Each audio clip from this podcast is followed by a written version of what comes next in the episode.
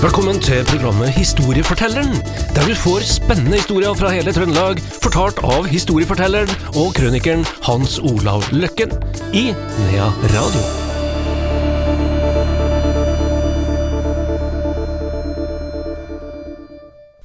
Historiefortelleren tilbake igjen. Eh, Hans Olav Løkken, velkommen hit. Takk, takk. Vi skal i dag ja, vi skal både til Inderøy, og vi skal til Stjørdal, og vi skal en tur til Stockholm òg.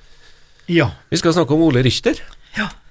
Ole Richter var en uh, stor personlighet i, på sin tid, på mange måter, men litt sånn splitta person, da. Han, uh, det var fara som uh, bonde som kjøpte da Rostad, som er en ganske kjent plass på Inderøya. Han kjøpte gården i 1826, da, og vi kan vel si at han var blant de bedrestilte. En sånn proprietær, som vi sier, da. Men det var dårlige tider, og, og Ole han vokste nå opp i en sånn brytning da, mellom ulike personligheter, og, og kanskje også litt eh, mellom ulike kulturformer. da. Så eh, han, eh, han dro som 15-åring, eller han ble vel utplassert som 15-åring da, til en onkel oppe i Orkdalen, som var en sorenskriver, Andreas Richter, og eh, da fikk han kanskje litt lyst på juss, da. Men eh, som jeg sa, så var det litt eh, dårlige tider, og eh, det var ikke bare bare eh, å gå skoler etc., etc., til og med for de som var bedre stilt. Så han eh, måtte lese som privatist til det som het eh, preliminæreksamen, vil si altså eksamen artium uten latin. Og det gjør du ikke ustraffa, skulle jeg si. Det var litt feil uttrykk, det, da, men at han, motstanderne brukte det mot den. Altså, han, han hadde artium, men hadde ikke artium med latin. Han, eh, det, det var litt eh, høyere, det, da. Og det var kanskje allerede her det begynte. Og hva er det vi snakker om? Jo, vi snakker om dominobrikkene som nå begynner å falle. De faller og faller og faller videre i livet til Ole Richter. Og det er poenget til slutt. Men han eh, drar til utlandet, han Ole Richter. Igjen antagelig plassert i sånn familiesystemet. Så han drar da til en annen slektning, en onkel, som het Einar Richter, på Fyn i Danmark. Han kom ut i den store verden. Han øh, snakka vel ikke norsk nå, omtrent når han kom tilbake. Han er blitt eh, snobbet, hvis du skjønner uttrykket. Veldig sånn snobbet. eh, Han har fått duft av gleden her i livet. Og han eh, Men så begynte han likevel da å, å, å eh, ta den vanlige artiumen. Han gjorde det i eh, 1849. Den med latin. Ja, den med latin. Og med utmerkede karakterer. Og eh, ikke bare det, men noen få år etterpå, i 52, så avla han altså juridisk embetseksamen i juss som eh, beste på sitt kull. Da var han forlovet med ei skuespillerinne som het eh, Laura Svendsen Gundersen. Hun bryter forlovelsen. Vi husker igjen dominobrikkene som driver og faller. Hun bryter forlovelsen. Han havner som sorenskriver i Stjør og Verdal i eh, to år. Han drar til England for å studere rettssystemet. Han var i Brighton, studerte språket, og der borte treffer han et kvinnemenneske som het Susan Attry, som han da forlover seg med, og hun dør veldig kort tid etterpå. Han kom hjem til Norge, ble redaktør i Aftenbladet. Han drar hjem til Rostad på Inderøya, skifter på en måte et miljø, og tenkte å drive gården samtidig som han kunne praktisere som advokat. Og i 62 blir han innvalgt på Stortinget for Venstre. Og han ble ordfører på Inderøya, så nå gikk han inn i det politiske livet, og han var ordfører i tolv år. Og i 64 så er han igjen i England, og der blir han kjent med søstera til den forloveden som døde, og søstera het Charlotte, og de gifter seg i England. Og de kom hjem til Rostad på Inderøya, hvilket nok kanskje ikke passa hun her er Charlotte så veldig godt. Hun fant seg ikke til rette. Hun følte vel, eh, som jeg ser noen skrive, at hun blir sittende på stas, og eh, det var mye gamle tradisjoner på Rostad som hun ikke falt inn i, og forholdet til Richters mor, altså svigermor, var nok òg heller ikke det beste. Det var ikke enkelt å være Charlotte, kanskje på Inderøya. Og hun trøsta seg med da det som mange dessverre gjør, alkohol. Han vurderte skilsmisse, han Richter, men eh, det ville vært skandale på den tiden. Husk på, han var nå kommet inn i politikken. Han begynner nå en politisk karriere, samtidig så, men har en embetskarriere. Han er eh, tilbake i England og er generalkonsul. Vurderte å selge gården, vurderte å gå heltidlig inn i politikken, og han blir altså statsminister i Stockholm. Det var det, sånn på den tiden at vi hadde to regjeringer, i samarbeid selvfølgelig, men vi hadde altså en regjering i Stockholm og en regjering i Oslo, da, i Kristiania. Og det var jo da Johan Sverdrup, meget kjent statsminister i Norge, og i Stockholm så satt da Richter som norsk statsminister. Fra samme parti. Samme parti. Og de bodde på det som er kjent i Stockholm som Ministerhotellet.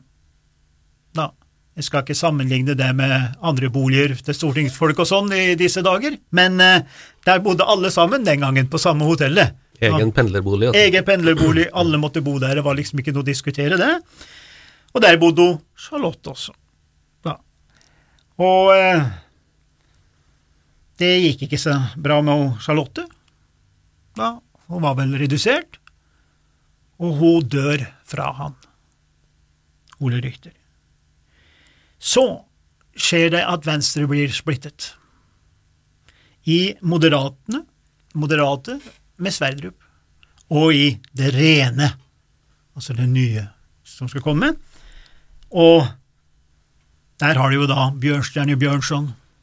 Du hadde, hadde en Steen da, som var kjent, for ikke å snakke om en Kvam, som senere ble statsminister. Han ble da gift med Fredrik Gram, som stifta Norsk Sanitetsforening, Norges Sanitetsforening. Skar seg helt mellom en Kvam, som er fra Nord-Trøndelag, og en Richter. De snakka vel omtrent ikke til hverandre. Jeg skar seg med en Bjørnstjerne Bjørnson. Og de herre Bjørnstjerne Bjørnson og Kvam, de ville jo ha en Richter over til sin fløy. Som Og da hadde også Richter blitt litt ikke godbusser lenger med Sverdrup, men Richter følte at han måtte være med Sverdrup likevel. Altså, han spilte altså, lojalitet. Han var veldig opptatt av at ok, vi har valgt inn sånn og sånn, jeg må være lojal. Mens de andre sa det, du må komme til oss, til vår fløy. Og dermed så ble det vel en veldig sånn strid der, da. Så begynner folk å gå ut av de her ulike regjeringene, da. Og eh, Richter, han, han blir, han. Og han eh, holder en tale til støtte for sin motstander, Sverdrup. Med basis i det prinsippet han hadde om å være lojal, da. Og Bjørnson ble enda sintere. Vår egen Bjørnson Bjørnson, vår store helt. Så det her går ikke noe bra. Og den 28. mai 1888 da, så søker altså Richter avskjed som statsminister. Og alle er vel nesten sikre på at det var ikke frivillig. Han hadde kanskje ikke noe valg, at kravet kom fra Sverdrup, kong Oskar 2. Og, noen andre mektige mennesker, da. Richter han hadde nok oppfatta det her som litt ydmykende, da, og et personlig krenkelse, at han måtte trekke seg som statsminister. da. Igjen, glem ikke dominobrikkene som stadig faller. Så er det Bjørnstjerne Bjørnson igjen, da, som den 17. mai holder en glimrende tale som han var flink til, men det ble som et angrep på Richter. Og Bjørnstjerne Bjørnson gjentar et angrep, mer eller mindre, i VG-en, avisen VG-en, den 23. mai. Alt det her gjør han etter hukommelsen. Og hukommelsen, Andreas, den svikter alle en gang iblant. Men han tok sjansen på at hjernen var på topp, men den var ikke på topp. Så det dreier seg om den berømte 15. mai-protokollen i 1885, hva som skjedde da. Og det dreier, igjen dreier seg altså om en innrømmelse i det som heter da utenriksministerspørsmålet. Og utenriksministerspørsmålet, sist på 1800-tallet, var jo det som gjorde at Norge innførte statskupp og kvitta seg med svenskene i 1905. Det alt dreier seg om det. Det var én sak som gjorde at vi forlot unionen i 1905. Altså om vi skulle ha vår egen utenriksminister. Når svenskene sa nei, og Norge ville ha sin egen. Og Det var det denne 15. mai-protokollen også dreier seg om. Og her er det en strid som oppstår. Richter fikk skylda for noe der, anklaget da plutselig for å være illojal, mens Richter skriver et brev til Bjørnson og Bjørnson og alle de andre, hvor han da hevder sin forståelse overfor Sverdrup. Altså han sier hva som skjedde, og i ettertid så har man ja selvfølgelig funnet alt det her, og vet at det var Richter som hadde rett, og Bjørnstjerne Bjørnson som hadde husket feil. Så skal de pakke der borte. Han hadde nå forlovet seg på nytt. Nå er det tredje gangen hun forlover seg. Med Ebba Astrup, som er fra den berømte store Astrup-familien, og akkurat da var jo det med Råkerbygg-folk og sånn. Og de skal altså da dra hjem til Norge og gifte seg. Men tidlig om morgenen den 15. juni 1888, på ministerhotellet i Stockholm, så tar Richter livet av seg sjøl. Han begår altså et sjølmord.